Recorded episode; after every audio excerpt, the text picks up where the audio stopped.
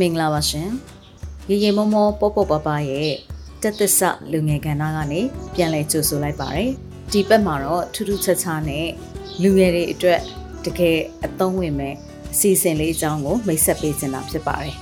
လက်တလောကာလမှာစိတ်သက်ကြခြင်းကိုခံစားနေရတဲ့သူတွေလမ်းပြောင်းနေတယ်လို့ခံစားနေရတဲ့သူတွေကိုယ့်ရဲ့ခံစားချက်ကိုဘယ်သူမှဖော်ထုတ်ပြောဆိုလို့မရဘူးထင်ပြီးတော့မှ တိတ်တိတ်လေးနေကြတဲ့လူငယ်တွေအတွက်အစီအစဉ်ကောင်းလေးတစ်ခုရှိပါတယ်။အဲ့ဒါကတော့ Breaking the Silence တိတ်ဆိတ်မှုကိုချိုးဖျက်ခြင်းတနည်းအားဖြင့်စိတ်သက်ကြခြင်းနဲ့ကိုယ့်ရဲ့ခံစားချက်တွေကိုရှင်ဖွင့်ပေါ်ရှာနေတဲ့သူတွေအတွက်ဖုံးဝန်ဆောင်မှုပေးမဲ့အစီအစဉ်လေးပဲဖြစ်ပါတယ်။ဒီအစီအစဉ်မှာပါဝင်ခြင်းကြတဲ့လူငယ်တွေအနေနဲ့မိမိတို့ရဲ့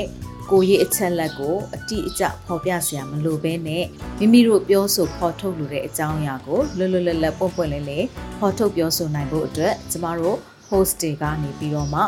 လူငယ်တွေရဲ့ရှင်ထဲမှာခံစားနေရတဲ့ခံစားချက်တွေပေါ်ပါသွားအောင်လို့နားထောင်ပေးမှာဖြစ်ပါတယ်။ဒီအစီအစဉ်ကနေပြီးတော့စိတ်ပိုင်းဆိုင်ရာကျန်းမာရေးကိုလည်းတောင်းတနေရကနေအထောက်အကူပြုမယ်လို့ယုံကြည်တဲ့အတွက်ကြောင့်မလို့ Breaking the Silence အစီအစဉ်လေးမှာပါဝင်ဖို့အတွက် စိတ်ဝင်စားမဲ့လူငယ်အားလုံးကိုဖိတ်ခေါ်ချင်တာဖြစ်ပါတယ်။ကျွန်မကတော့စီစဉ်တင်ဆက်သူရွေးစာချီဆိုဖြစ်ပါတယ်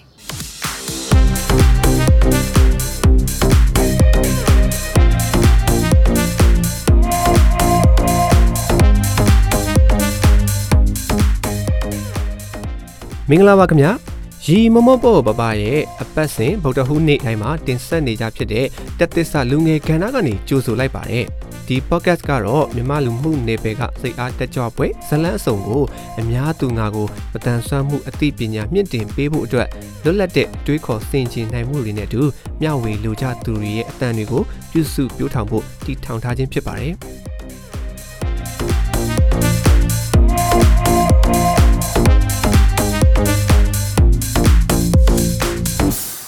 အခုလိုကာလမှာအရွယ်သုံးပါမရွေစိတ်ပိုင်းဆိုင်ရာမွန်ကျမှုတွေအမျိုးမျိုးနဲ့ရင်ဆိုင်နေရတယ်။ဒါပေမဲ့အထူးသဖြင့်လူငယ်တွေမှာကကြတော့အမျိုးမျိုးညှာနေရတာတွေရှိတယ်။ဒါမှမဟုတ်ကိုကိုတိုင်းကရိုင်လဲခြင်းစိတ်ကိုကြားကန်ထားရပြီးတော့မှဘာမှမဖြစ်ဟန်ဆောင်နေကြတဲ့သူတွေလည်းရှိတယ်။သူတို့တွေရဲ့ခံစားချက်တွေသူတို့တွေရဲ့ရင်တွင်းမှာရှိနေတဲ့ဆန္ဒတွေသူတို့စတိခဲ့ရတဲ့အကြောင်းအရာတွေကိုကျမတို့ကနားထောင်ပေးခြင်းအပြင် အခုလိုစိတ်သက်ကြောက်မှုမျိုးခံစားနေရတဲ့အခြားတယောက်ယောက်အနေနဲ့လည်းကိုရင်ဖွင့်လိုက်ရသလိုပေါ်ပါသွားစေမယ်လို့ကျမတို့ယုံကြည်တယ်။ဒါကြောင့်မလို့ဒီအစီအစဉ်လေးကိုလောလောဆယ်မှာတော့ပင်တိုင်းတက်ဆက်သူတွေဖြစ်ကြတယ်ကျမ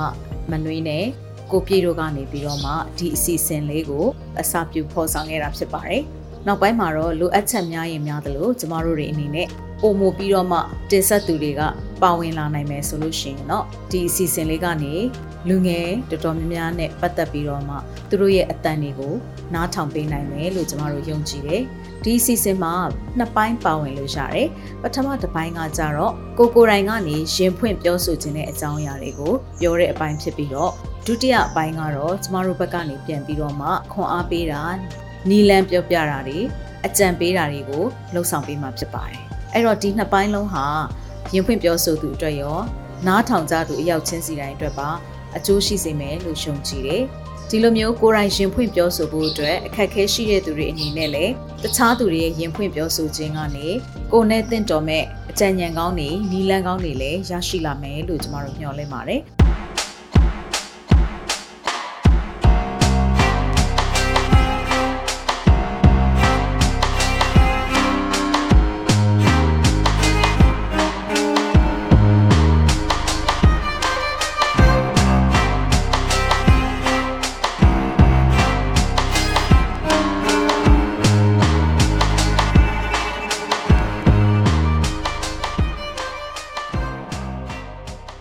မအခုရက်မှာလူငယ်တော်တော်များများနဲ့စကားပြောဖြစ်တယ်အထူးသဖြင့်တော့ကျမတို့ရဲ့ mini podcast အစီအစဉ်မှာမိမိတို့စိတ်ကြိုက်ကဏ္ဍတွေပါဝင်ဖို့အတွက်အတိပေးမိတ်ဆက်ရင်းနဲ့စကားပြောဖြစ်တဲ့အခါမှာတချို့လူငယ်တွေကဒီချိန်မှာကျွန်တော်ကျမတို့ကတော့စိတ်သက်သာနေပါတယ်လမ်းပြောင်းနေပါတယ်လို့ပြောလာတာလေးတွေကိုတွေ့ရပံများလာတဲ့အခါကျတော့ကျမရင်ထဲမှာတခုခုလှုပ်ပေးခြင်းစိတ်ဖြစ်လာတယ်ဒဒီကာလမှာအားလုံးသိတဲ့အတိုင်းပဲကျမတို့အချင်းချင်းကူညီနိုင်တာဆိုလို့ ချမ်းသာတာမြတ်တာစကလုံးတွေပဲရှိပါတယ်။ဒါပေမဲ့ဒီစကလုံးတွေရဲ့ခွန်အားကိုမိဆွေရှော့မတက်မိဖို့လိုပါတယ်။ဒါကြောင့်ကျမတို့ကစကလုံးတွေနဲ့ပြန်ပြီးတော့မှလူငယ်တွေကိုလမ်းပြခြင်းတဲ့အတွက်ခန်းစားချက်ကိုဝေမျှပြီးတော့မှခံယူခြင်းတဲ့အတွက်ကြောင့်မို့လို့ဒီအစီအစဉ်လေးကိုပြုလုပ်ရခြင်းဖြစ်ပါတယ်။တကယ်တမ်းကျတော့စိတ်သက်ကြခြင်းဆိုတာဟာအရွယ်သုံးပါးစလုံးမှာဖြစ်နိုင်ပါတယ်။ဒါပေမဲ့လူငယ်တွေအနေနဲ့ကျတော့ဘဝအတွေ့အကြုံမပြည့်စုံသေးတဲ့အခါမှာ သူတို့အနေနဲ့စိတ်ခံစားချက်တွေကိုဘလို့ကြော်လွှမ်းလွန်မြောက်ရမလဲ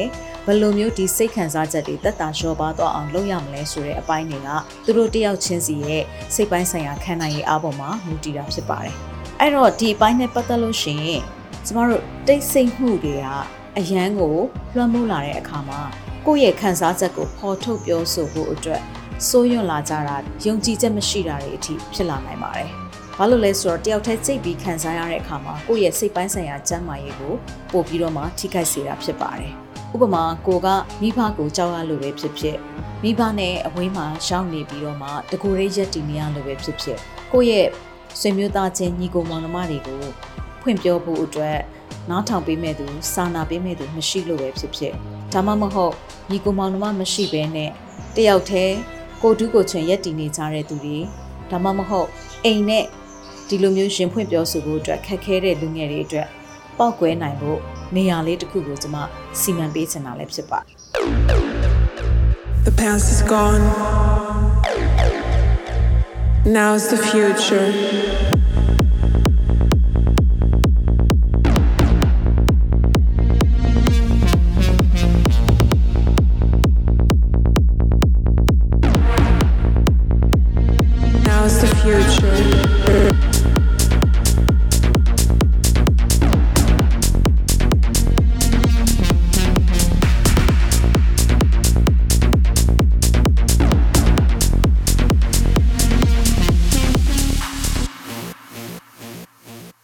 ချို့လူငယ်တွေကဒီအချိန်မှာကိုယ့်ရဲ့ပောက်ကွဲမှုကိုဘယ်လိုပုံစံနဲ့ဖော်ထုတ်ရမယ်ဆိုတာကို မသိသလိုကိုယ့်ရဲ့ခံစားချက်ကိုဘယ်အရာတွေနဲ့အစားထိုးပြီးတော့မှဖန်တီးမှုဖြစ်လုပ်ရမလဲဆိုတာကိုလည်းမသိကြတဲ့သူတွေရှိပါတယ်။ဒါကြောင့်မို့လို့ကျမတို့ကကိုယ်တိုင်ဖန်တီးမှုလုပ်ချင်တဲ့သူတွေကိုဖန်တီးမှုပညာနဲ့တစ်ဖက်တစ်လမ်းကနေပြီးတော့စိတ်သက်ကြခြင်းကိုကာကွယ်နိုင်အောင်စိတ်သက်ကြခြင်းတွေကနေလွတ်မြောက်လာနိုင်အောင် စိတ်သက်ကြဖို့အချိန်မရှိအောင်ကိုကျမတို့ဖန်တီးမှုပညာတွေမှာခေါင်းစိုက်ပြီးတော့လေ့လာစေတာဖြစ်ပါတယ်။ဒါကြောင့်မလို့ကျမတို့စီမှာအလုပ်တင်တဲ့ voice talent, editing talent, writing talent တွေလာလျှောက်ကြမဲ့သူတွေကိုကျမတို့ကအချိန်ကာလတစ်နှစ်အထိသတ်မှတ်ထားတာဖြစ်တယ်။လေ့ကျင့်သင်ယူခြင်း3လနဲ့ပူးပေါင်းပါဝင်တင်ဆက်ခြင်း6လကိုကျမတို့ယူထားတာဖြစ်တယ်။ဘာကြောင့်လဲဆိုတော့လေ့ကျင့်သင်ယူခြင်းဆိုတာကတော့ကျမတို့လူငယ်ပဲဖြစ်ဖြစ်လူတစ်ယောက်ရဲ့ အလေးအကျင့်တွေသင်ယူမှုတွေအပြောင်းလဲတွေကိုဖော်ဆောင်နိုင်ဖို့အတွက်လုံလောက်တဲ့အချိန်လို့သတ်မှတ်ထားတာဖြစ်တယ်။ဒီ3လပြီးသွားတဲ့အခါမှာဒီရဲ့3စ6လမှာဖန်တီးမှုမှာပြန်ပြီးတော့ဒီဇိုင်းမက်မက်အာယုံစိုက်ပြီးလှုပ်စေခြင်းအပြင်သူ့ရဲ့အသက်မွေးဝမ်းကြောင်း career အတွက်တစ်ခုခုအကျိုးကျေးဇူးရှိသွားနိုင်တယ်လို့သူ့ရဲ့ဖန်တီးမှု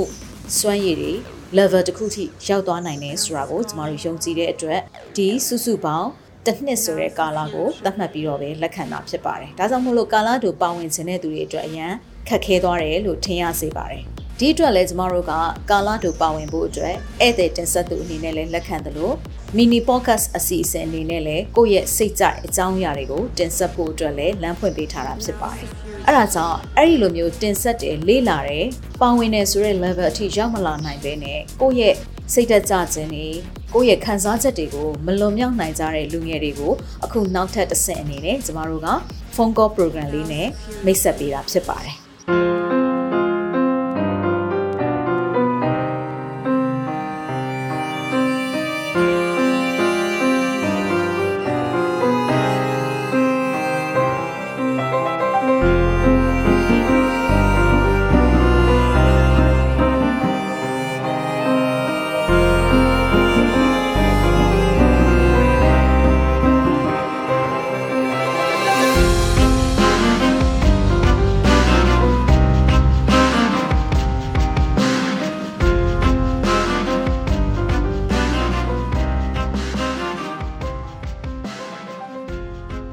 ကြောင့်မို့လို့လေ breaking the silence တိတ်ဆိတ်မှုကိုချိုးဖျက်ခြင်းဆိုတဲ့နာမည်လေးကိုပေးတာဖြစ်ပါတယ်။ဘာကြောင့်လဲဆိုတော့မြို့သိပ်ထားရတဲ့အကြောင်းအရာတွေကိုပွင့်ပွင့်လင်းလင်းရင်ဖွင့်စေခြင်းလို့ဖြစ်ပါတယ်။ဒီလိုရင်ဖွင့်နိုင်ဖို့အတွက်နားထောင်ပေးမဲ့သူလိုအပ်တယ်။ဒီလိုနားထောင်ပေးတာကနှစ်ကိုကြားနဲ့ပြီးသွားတာမဟုတ်ဘဲနဲ့ဒီလိုမျိုးရှင်ဖွင့်ခြင်းတဲ့လူငယ်တွေအတွက်လည်းပို့ပြီးတော့မှအားကောင်းတဲ့ဂျားကန်နယ်ပယ်တစ်ခုဖြစ်လူငယ်တွေစိတ်ကြိုက်ပေါက်ကွဲလို့ရတာဖြစ်တဲ့အတွက်ဘာမှ ကြောက်နေစရာရှက်နေစရာမလိုဘူးကိုယ့်ရဲ့ရင်ထဲမှာရှိနေတဲ့ခံစားချက်တွေကိုဖွင့်ထုတ်လိုက်ခြင်းအပြင်ဒီလူငယ်တွေဟာရင်ထဲပေါ့သွားမယ်ပေါ့နော်အဲတချို့တွေနောက်ပြီးပြောကြတယ်မလားပြောကြည့်လေရင်ထဲပေါ့သွားတာပေါ့ဆိုတာဒါအယမ်းမှန်ပါတယ် ဒီစကားလေးကတကယ်ကိုရင်ထဲပေါ့သွားစေမယ်ဆိုလို့ရှိရင်ကျမတို့နားထောင်ပေးဖို့အတွက်အသင့်ရှိပါတယ်လူငယ်တွေရဲ့ပောက်ကွဲတံတွေကိုကျမတို့နားထောင်ပေးခြင်းအပြင်ဒီလူငယ်တွေမှာခံစားနေရတဲ့စိတ်ပိုင်းဆိုင်ရာအတားအဆီးတွေခက်ခဲမှုတွေဒါတွေကိုဘယ်လိုလွန်မြောက်အောင်လောက်ကြမလဲဆိုတာကိုကျမတို့တင်ဆက်သူတွေကလည်းသူတို့နဲ့အတူအဖြေရှာရင်းနဲ့သူတို့အတွက်စိတ်ခံစားမှုတွေပုံမကောင်းမွန်လာတဲ့တနေ့မှာဖန်တီးမှုနယ်ပယ်ကို ရောက်နိုင်ဖို့အတွက်လည်းကျမတို့ကခွန်အားတွေပေးဦးမှာဖြစ်ပါတယ်။ဒါကြောင့်မလို့ဒီစီစဉ်ကိုစိတ်ဝင်စားကြတဲ့လူငယ်တွေအနေနဲ့ကျမတို့ရဲ့ chat box ကနေပြီးတော့မှလာရောက်ဆက်သွယ်နိုင်ပါတယ်။ဒီလိုမျိုး phone call program မှာပါဝင်ကြတဲ့သူတွေဟာသိထားဖို့အချက်ကလေးတွေရှိပါတယ်။အဲ့တော့ဒီလိုအစီအစဉ်မှာပါဝင်မယ်ဆိုရင်နံပါတ်1အချက်ကတော့ကိုယ့်ရဲ့ identity ကိုကိုလျှို့ဝှက်ချင်တယ်လို့လျှို့ဝှက်လို့ရပါတယ်။ နောက်ဆုံးကျမတို့ကအတန်ကိုလည်းပြုပြင်ပြောင်းလဲပေးဖို့လိုအပ်တယ်ဆိုလို့ရှိရင်မူရင်းအတန်ကိုမမှတ်မိအောင်ပြုပြင်ပြောင်းလဲပေးလို့ရပါတယ်။ဒါပေမဲ့မိတ်ဆွေတို့ရဲ့ပြောဆိုမှုဟာတကိုယ်ရည်ဖြစ်တည်မှုနဲ့ကိုယ့်ရဲ့ခံစားချက်ကိုပို့ပြီးတော့မှ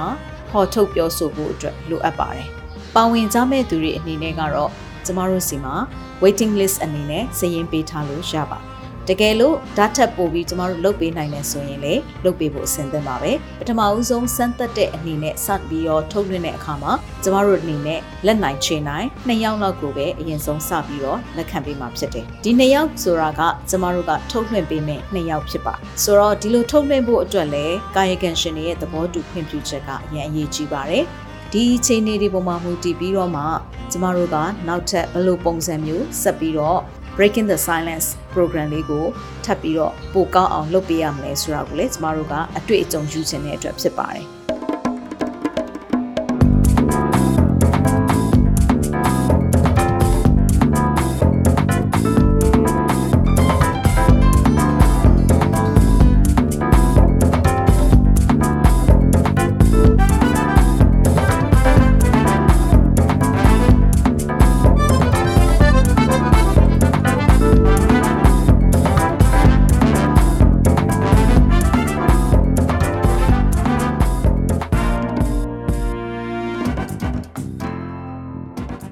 တော့စမ်းသက်ကာလအနေနဲ့ကျမတို့ဒီ September လအတွင်းမှာအစပြုမှာဖြစ်ပါတယ်။တကယ်တမ်းကျတော့ September လအတွင်းမှာကျမမှာလည်း online class တစ်ခုက join ထားတာလက်စရှိနေတယ်။ဒါကြောင့်မလို့အဲ့ဒီ class ရဲ့အချိန်နဲ့လွတ်တဲ့အချိန်တွေကိုကျမတို့ချိန်ဆိုပြီးတော့မှစကားပြောနိုင်တာဖြစ်တယ်။အဲ့တော့ကိုစီကိုစီအသီးသီးအလုပ်တွေရှိနေကြတဲ့အတွက်ကြောင့်မလို့စိတ်ခံစားချက်ကောင်းမွန်ပြီးတော့အေးအေးဆေးဆေးတီးခြားပြောနိုင်တဲ့အချိန်မျိုးကိုကျမတို့နှစ်ဦးနှစ်ဖက်သတ်မှတ်ပြီးတော့ချိန်ဆိုလို့ရပါတယ် ပထမဦးဆုံးအနေနဲ့ကိုပြေမနွေဒီပင်နိုင်တင်ဆက်သူနှစ်ယောက်ကနေပြီးတော့မှလက်ခံပြောဆိုပေးမှာဖြစ်တဲ့အတွက်ကိုလက်ခံပြောဆိုဖို့ဆန္ဒရှိတဲ့သူကိုလည်းကြိုတင်ပြီးတော့မှ appointment ယူလို့ရပါတယ်။နောက်တစ်ခုကကျတော့ကျမတို့နဲ့စကားပြောဆိုတဲ့အခါမှာအချိန်ကန့်သက်ချက်တစ်ခုရှိပါတယ်။အဲ့ဒီအချိန်ကန့်သက်ချက်ကလည်းလုံလောက်တဲ့စကားပြောဆိုမှုဖြစ်မယ်လို့ကျမယုံကြည်တယ်။အဲ့တော့ တစ်ဖြတ်ကို15မိနစ်နှုံးနဲ့ကျမတို့ကန့်သက်ထားတာဖြစ်တယ်။15မိနစ်အတွင်းမှာကျမတို့စိတ်ကြိုက်အကြောင်းအရာတွေကိုလိုတိုရှင်းလေးတွေပြောပြီးတော့မှအပြန်အလှန်နားလည်မှုရှုလို့ရပါတယ်။ပထမ15မိနစ်အတွင်းမှာကိုယ့်ရဲ့ခံစားချက်ကိုလုံလုံလောက်လောက်ပြောဆိုနိုင်တယ်ဆိုလို့ရှိရင်ကျမတို့အနေနဲ့ကမေတ္တာလက်ဆောင်အနေနဲ့ free လုပ်ပေးမှာဖြစ်ပါတယ်။တကယ်လို့ထပ်ပြီးတော့မှ appointment လိုချင်တယ်ဒါမှမဟုတ် ဒီတစ်ချိန်နဲ့ကိုကမကျေနပ်သေးဘူးနောက်ထပ်15မိနစ်လောက်ထပ်ပြီးတော့ပြောဆိုဆွေးနွေးခြင်းနဲ့ဆိုလို့ရှိရင်တော့ကျမတို့အနေနဲ့ဝန်ဆောင်ကအဖြစ်9000သတ်မှတ်ထားတာဖြစ်ပါတယ်တကယ်လို့ဒီဒုတိယတစ်ချိန်ယူတယ်နိုင်ဝက်ဖြစ်သွားတယ်အဲ့ဒီနိုင်ဝက်နဲ့မလုံလောက်သေးဘူးထပ်ပြီးပြောချင်တာတွေဆွေးနွေးချင်တာတွေရှိသေးတယ်ဆိုရင်တော့နောက်ထပ်ထပ်တိုးတဲ့15မိနစ်တိုင်းကို9000ကျပ်နဲ့ထပ်ပြီးတော့မှလက်ခံပေးမှာဖြစ်ပါတယ် အဲ့တော့ကိုယ့်ရဲ့ခံစားချက်ကို host တယောက်တည်းပဲတင်ဆက်သူတယောက်တည်းပဲနားထောင်တာမဟုတ်တော့ဘဲနဲ့အခြားသူတွေကိုလည်းနားထောင်စေခြင်းနဲ့ဆိုလို့ရှိရင်ကျမတို့တွေကထုတ်လွှင့်ပေးမှာဖြစ်တယ်ဒီထက်ကမှတီးခြားကဏ္ဍလေးတွေကိုပဲဆွဲပြီးတော့ထုံနှုတ်ပေးစေခြင်းနဲ့ဆိုရင်လေကျမတို့ကထုံနှုတ်ပေးမှာဖြစ်တယ်လုံးဝမထုံနှင့်ဘဲနဲ့နှစ်ယောက်တည်းပဲအာယုံကြည်မှုရှိရှိနဲ့စကားပြောဆိုတိုင်ပင်ချင်တာရှိတယ်ဆိုလို့ရှိရင်လေအဲ့ဒီလိုမျိုး ဝန်ဆောင်မှုပေးမှာဖြစ်ပါတယ်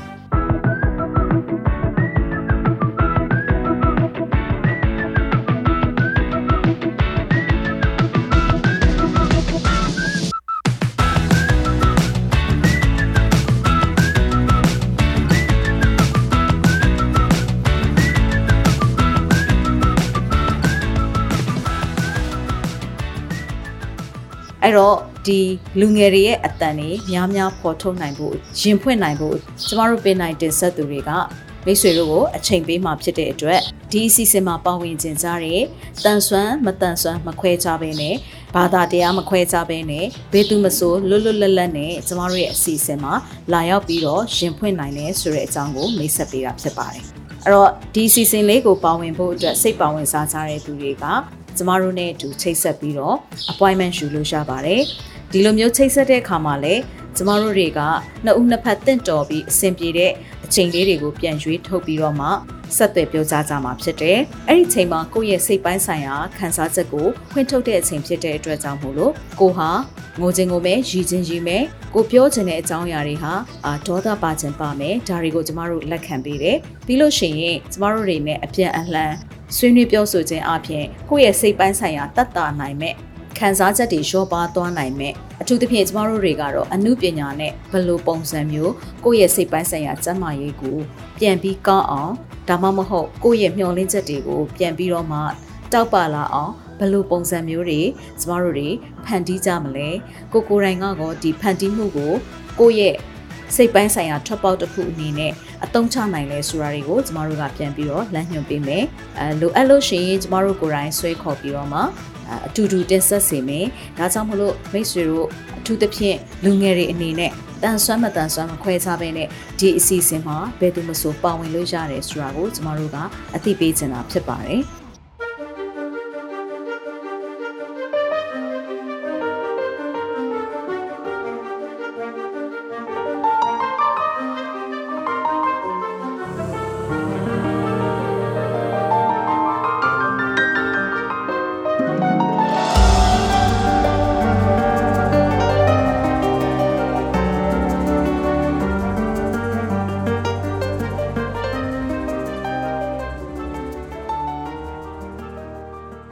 ဒီကာလအတွင်းမှာဆိုလို့ရှိရင်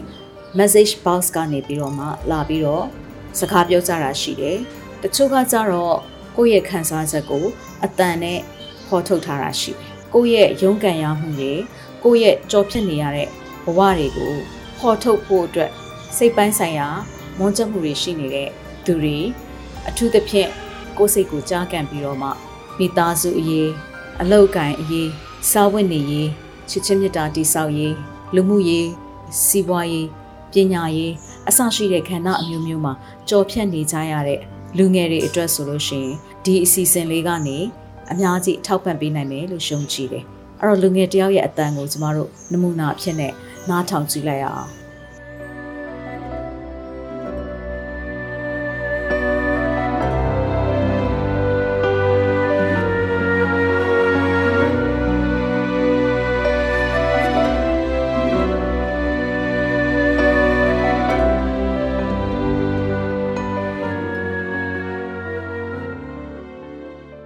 မကတော့အသက်20နှစ်အရွယ်တာမန်မိသားစုကမွေးဖွားလာတဲ့တာမန်ကောင်မလေးတယောက်ဖြစ်ပါတယ်။ညီမတို့မိသားစုညီမတို့ရဲ့ပတ်ဝန်းကျင်တွေညီမတို့မွေးဖွားလာတဲ့အခြေခံတွေမှာဆိုလို့ရှိရင်များသောအားဖြင့်တွေ့ရှိရတာကတစ်ဖက်သားရဲ့စိတ်ဆန္ဒကိုအလေးမပေးတာတော့အထူးကညီမတို့အရေးကြီးဆုံးတွေ့ရတယ်ပေါ့နော်။ဒါကတော့ဘသူရဲ့အပြစ်မရတော့မဟုတ်ပါဘူး။ဒါညီမတို့မွေးဖွားလာတဲ့အခြေခံတွေညီမတို့ရဲ့ပတ်ဝန်းကျင်အနေအထားအရလူငယ်တွေရဲ့စိတ်ဆန္ဒတွေမိသားစုတွေထဲမှာဆိုလို့ရှိရင် တာသမီးတွေစိတ်ဆန္ဒတွေကိုအလေးမပေးတာဒါညီမတို့အတွက်ကတော့ normal လူပဲဖြစ်နေရေပေါ့နော်ပုံမှန်အနေထားအရပဲလူကြီးရဲ့စာကသူတို့လိုချင်တဲ့စိတ်နှင်းကြကိုပုံသွင်းမယ်သူတို့စိတ်နှင်းကြပုံသွင်းလို့မရဘူးဆိုရှင်စုပူမယ်အဲစုဆောက်မယ်တန်းတန်းတနည်းအားဖြင့်အစစ်တက်လာမယ်ဆိုရှင်တော့ရိုက်တာတော့ဘာဖြစ်နိုင်တာပဲအဲ့တော့ဘယ်ကနေစရလဲဆိုလို့ရှိရင်ညီမတို့ကမိသားစုကနေစတယ်တောက်မှမာတယ်ညီမမိသားစုကိုမကောင်းပြောရမှာမဟုတ်ဘူးဒါပေမဲ့တကယ်တမ်းကမိသားစုကနေစတာဒါညီမအနေထားအရာညီမတာမန်လူရဲစားပတ်ဝန်းကျင်မှာကြီးပြင်းလာတာဖြစ်တဲ့အတွက် တာမန်လူရဲစားတွေကိုရှင်းကြည့်ရဲပြီးတော့ညီမတို့ message မှာမြင်နေရတဲ့အခြေခံလူရဲစားတွေကိုရှင်းကြည့်ရဲ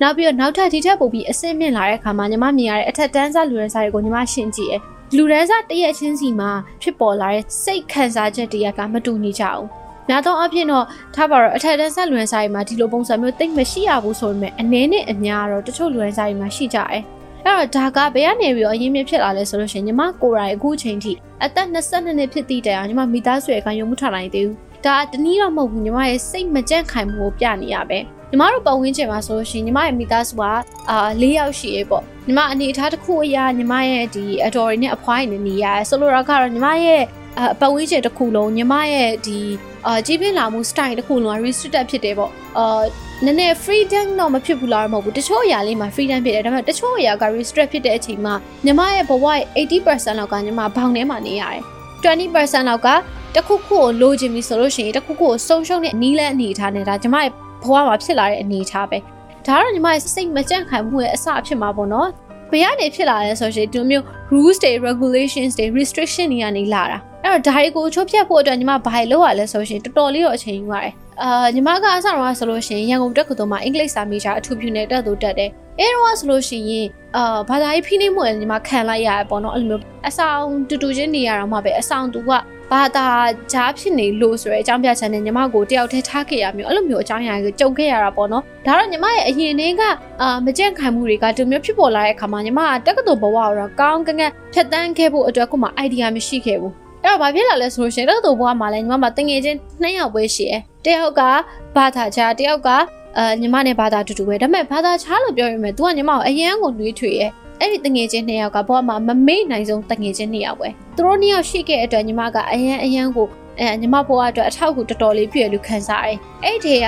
ဘာသာချာဆွဲကောင်မလေးတယောက်ကညီမဘဝကိုလမ်းပြပေးခဲ့တဲ့သူပေါ့ဘလို့ဘလို့နီးလန်းနေရှိတယ်ဘလို့ဘဝကို enjoy လုပ်ရမယ်ဆိုရယ်နီးလန်းတွေကိုသူပြသခဲ့တာအဲ့တော့ အဲ့ဒီကနေပြီးတော့ဘာဖြစ်လာလဲဆိုရင်ညီမတို့တက္ကသိုလ်တက်တယ်ထားပါတော့အဲရှော့ရှူရှူပဲတော့မဟုတ်ပေမဲ့တက္ကသိုလ်ဘဝကဘာမှညံ့မှမသိပဲလုံးလည်လာရင်တက်တီးရရဲ့ first sem ပြီးသွားရပေါ့တက်တီးရရဲ့ first sem မပြီးခင်မှာညီမတို့ကိုဗစ်ကစတာပဲအဲ့တော့ကိုဗစ်စတဲ့အချိန်တွေမှာဘာလို့ရလဲဆိုရင်အားလုံးကကြောက်အားလန့်နဲ့အိမ်ပြန်ကြတယ်ညီမလည်းပါတာပေါ့အိမ်ပြန်ရတယ်အဲ့တော့အိမ်ပြန်ရတဲ့အချိန်မှာဘဝရဲ့အခက်ခဲဆုံးအချိန်ကပြန်စတင်လာတာညီမဒါမျိုးတွေမကြုံတွေ့ရဘူးထင်ခဲ့တာဒါပေမဲ့ဘဝရဲ့အခက်ခဲဆုံးအချိန်ကအဲ့အချိန်ပဲဘာဖြစ်လို့လဲဆိုတော့ညီမကိုကိုယ်တိုင်လဲ internet conflict လုပ်ရတဲ့အပြင်အိမ်ကမိသားစုတွေနဲ့လည်း conflict လုပ်ရတယ်အဲ့တော့အတွင်းအမြင်တွေ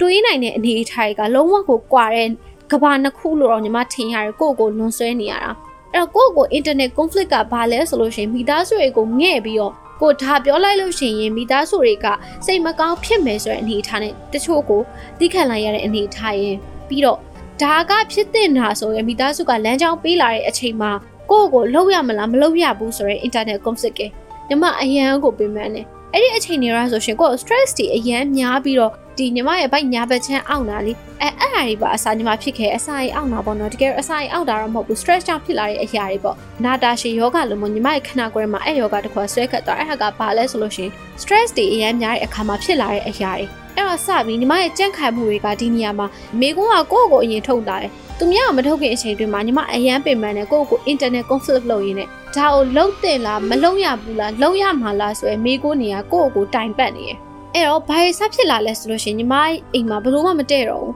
ညီမရဲ့မိသားစုက stereotype တွေဒါမြင်လို့ဒါပဲလုံးဝမဲ့အနေအထားတွေမှာညီမရဲ့ idea က online ကနေဘယ်လိုမျိုးလုပ်လို့ရရဲဆိုရယ်အရာတွေအားလုံးညီမသိနေပြီ online class တွေတက်လို့ရတယ် online shop တွေလုပ်လို့ရတယ်အများကြီးလုပ်လို့ရတယ်ဆိုရယ်အနေအထား အဲ့အိမ်မှာပဲနေမဲ့အစားတခြားအရာတစ်ခု online ကနေ learning လုပ်ဖို့လိုအပ်လာပြီဆိုတဲ့အချိန်မှာညီမအိမ်မှာ wifi မရှိဘူးအဓိကတော့အကြောင်းအရာကတော့ easy ပါတယ်မတက်နိုင်တာလည်းမဟုတ်ဘူးမတက်နိုင်တဲ့အခြေအနေလည်းမဟုတ်တက်ကုန်တက်တာဘာလို့ဆိုအေးရမိသားစုရပြောသူတို့၃ယောက်ကလည်းဖုန်းအရန်သုံးတဲ့လူတွေမဟုတ်တဲ့အတွက်ကြောင့်မို့လို့ wifi တက်မယ်ဆိုရင်တယောက်စာအတွက်အရန်ကြီးပုံနေလိမ့်မယ်လေအဲ့တော့ဒီ idea သူတို့ပေးတဲ့ logic ကညီမတို့တော့အရန်ကိုခက်ခဲစီရယ်ညီမရှိမှအဲ့အချိန်မှာ laptop တစ်လုံးတော့မရှိဘူး ညီမရှိမှရှိရဖုန်းတစ်လုံးပဲရှိတယ်ဒါပေမဲ့ wifi မရှိဘူးဒါပေမဲ့ညီမအနေထားရနေဆိုလို့ရှိရင်တခုခုကို landing လုပ်နေဖို့ညီမကမရက်တတ်နိုင်ဘူးဖြစ်နေတယ်အဲ့တော့ဘာလို့ ਆ လဲဆိုလို့ရှိရင်ကိုယ့်ကိုပြန်ပြီးတော့မေးခွန်းထုတ်ရတယ်ကိုယ့်ကိုပြန်ပြီးတော့တိုက်ပွဲဝင်ရတဲ့အချိန်မှာညီမဘာနီးလဲတစ်ခုသွားတွေ့လဲဆိုလို့ရှိရင်ညီမတို့မိသားစုက family business ရှိရယ် family business ကတနည်းအားဖြင့်ပြောရမယ်ဆိုလို့ရှိရင်အထည်ရောင်းတာအထည်ရောင်းတာဆိုတော့ဆိုင်ရ ကြီးမားတဲ့အထည်မှာပါတယ်မျိုးတစ်မျိုးလုံးကလူတွေကို retail ပြန်ပေးတဲ့အပြင်ကိုညီမတို့ကတော့နယ်ဘက်ဖြစ်သွားဖြစ်တဲ့အတွက်အဲ့ဒီနယ်ဘက်ကလူတွေအားလုံးကို retail ပြန်ပြီးတော့ဆိုင်ကအကြီးကြီးပဲညီမအနေနဲ့ experience ယူမယ်ဆိုရင်အများကြီးရတယ်အဲ့တော့အိမ်နဲ့ဘယ်လို negotiation ညီမလုပ်လိုက်လဲဆိုရှင်အိမ်ရစီးပွားရေးကိုကူညီပေးမယ်တနည်းအားဖြင့်ညီမကို wifi တက်ပေး laptop ဝယ်ပေးဆိုတဲ့အရာမျိုးအဲ့တော့ညီမအနေနဲ့ဘာရလာလဲဆိုလို့ရှိရင် wifi တက်ပေးရဲ့အဲ့အချိန်မှာညီမဘာစားလုပ်လဲဆိုရှင်အင်္ဂလိပ်စာကို self study စာလုပ်တယ် ဒါကတော့မရရတဲ့နီလန်ကမှပြန်ပြီးတော့ဖောက်လာတဲ့လမ်းတစ်ခုလိုပဲကိုယ့်ကိုပြောရမယ် conflict တွေအများကြီးဖြစ်ပေါ်လာတဲ့အပြီးမှာညီမတော့ကိုယ့်လမ်းကိုရှာတွေ့သွားတယ်အဲ့ညီမအနေနဲ့ဘာလို့လဲဆိုလို့ရှိရင် English self study လုပ်တယ်ညီမစာလုပ်ဖို့အရန်ပြင်းတဲ့သူစာဖို့အရန်ပြင်းတဲ့သူဖြစ်တဲ့အတွက် self study မလုပ်တဲ့အချိန်မှာညီမဘာကြည့်လဲဆိုလို့ရှိရင် English စာပေါ့နော် English စာတိုးတက်ဖို့အတွက်ညီမဒီ American TV series တွေကြည့်ရယ် TV show တွေပေါ့နော်တင်းသားပြရမယ်ဆိုရှင်သူတို့ကဒီ daily life မှာဖြစ်ပေါ်နေတဲ့သူတွေကို အာရိုက်ပြထားတာဖြစ်တဲ့အတွက်အရန်အရန်ကိုကောင်းတယ်ညီမအတွက်ညီမစာမလုပ်ဘူးစာလုပ်ဖို့ဆောင်းနဲ့တွေ့ပြီဆိုတာနဲ့အရန်ကိုပင်ပန်းတာအရန်ပြင်းတာဟောအဲ့လိုလိုမျိုးဖြစ်တဲ့အတွက်ညီမကအဲ့ English show တွေကနေကြည့်ပြီးတော့ English စာရလာတယ် English စာကို subscribe လုပ်ပြီးအချိန်မှာညီမအနေနဲ့ဒီလိုမျိုးထိုင်နေတော့မဟုတ်ကိုအနေနဲ့သူများကိုဘာများပေးနိုင်မလဲဆိုတဲ့အနေထားဘာဖြစ်လဲဆိုရင်ညီမအိမ်ထဲမှာနေရတာအရန်မွန်းချက်လို့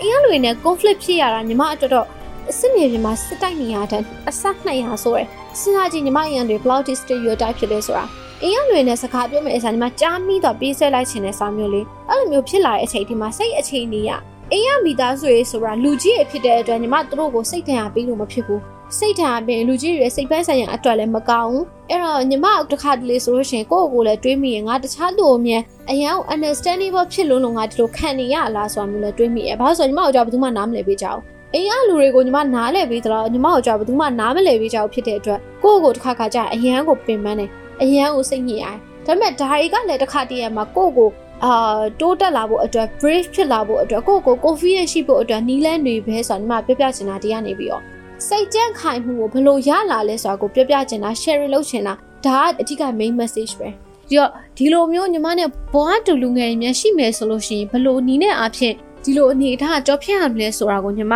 sharing လုပ်စေခြင်းနဲ့နောက်ပြီးတော့တချို့လူရဲ့စကားအသံတွေကိုလည်းညီမကြားခြင်းနဲ့အဲ့တော့ဒီ audio လေးနားထောင်ပြီးတော့ idea တစ်ခုရသွားမယ်ဆိုရင်တော့ညီမအတွက်ကတော့လုံးဝ impact ဖြစ်စေမှာပဲ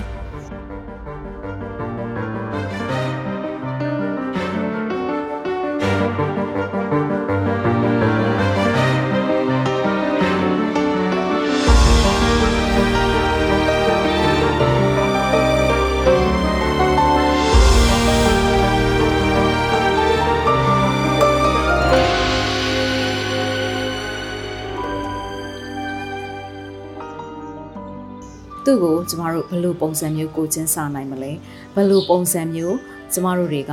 ပြန်ပြီးတော့မှအားပေးကြမလဲဒါကြောင့်မို့လို့ကျမတို့နဲ့အတူပါဝင်တက်ဆက်တဲ့သူတိုင်းကိုမိတ်ဆွေတို့ကအပြုသဘောဆောင်တဲ့အကြံပေးမှုတွေမှတ်ချက်တွေပေးခြင်းအပြင်သူတို့ရဲ့စိတ်ပိုင်းဆိုင်ရာခံစားမှုဝန်တုပ်တွေတဖြည်းဖြည်းရောကျသွားအောင်လို့ကျမတို့တွေကစကလုံးလေးတွေနဲ့ဘယ်လိုကူညီနိုင်ကြမလဲဆိုတာကျမအရင်စိတ်လှုပ်ရှားမိပါတယ်။ဒါကြောင့်ဒီစီစဉ်ကိုနားထောင်နေကြတဲ့မိတ်ဆွေတို့အနေနဲ့လည်း ကိုယ်တိုင်ပါဝင်ခြင်းရင်လည်းဆက်သွယ်လို့ရသလိုနောက်ဒီအစီအစဉ်တွေမှာပါဝင်လာကြမဲ့လူငယ်တွေရဲ့အတန်တွေကိုလည်းပူးဝင်ခံစားပြီးတော့မှသူတို့ကိုအကြံဉာဏ်ပေးကြပါလက်တွဲခေါ်ပေးကြပါလို့အခုအချိန်မှာအချမ်းသာဆုံးဖြစ်တဲ့မေတ္တာပါတဲ့စကားလုံးတွေအပြုသဘောဆောင်တဲ့မှတ်ချက်တွေနဲ့ပြန်ပြီးတော့မှအပြန်အလှန်ခွန်အားပေးကြပါစို့လို့လည်းကျွန်မအနေနဲ့တိုက်တွန်းချင်ပါတယ်အဲ့တော့မိတ်ဆွေတို့ရဲ့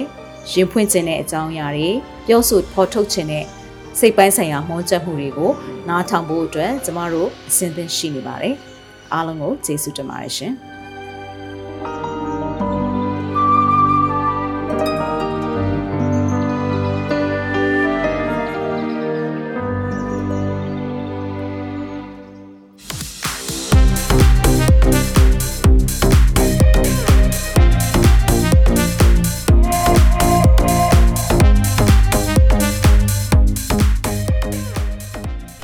တော်တို့ရဲ့ရီရီမောမောပေါ့ပပ pocket အစီအစဉ်မှာအလုတ်တင်အဖြစ်ဖန်တီးမှုမျိုးစုံကိုလက်စွမ်းပြလှုပ်ဆောင်ဖို့စိတ်ပါဝင်စားသူများအနေနဲ့ Google Form ကနေပြီးတော့မှမိမိတို့ရဲ့မှတ်ပုံတင်ရှေ့နောက်နဲ့အလှဓာတ်ပုံတစ်ပုံအပြင်နမူနာလက်ရာတစ်ခုနဲ့အမြန်ဆုံးရှောက်ထားကြဖို့ဖိတ်ခေါ်လိုက်ပါတယ်။နောက်တစ်ပတ်ဗုဒ္ဓဟူးနေ့မှာပြန်ဆောင်ကြရအောင်နော်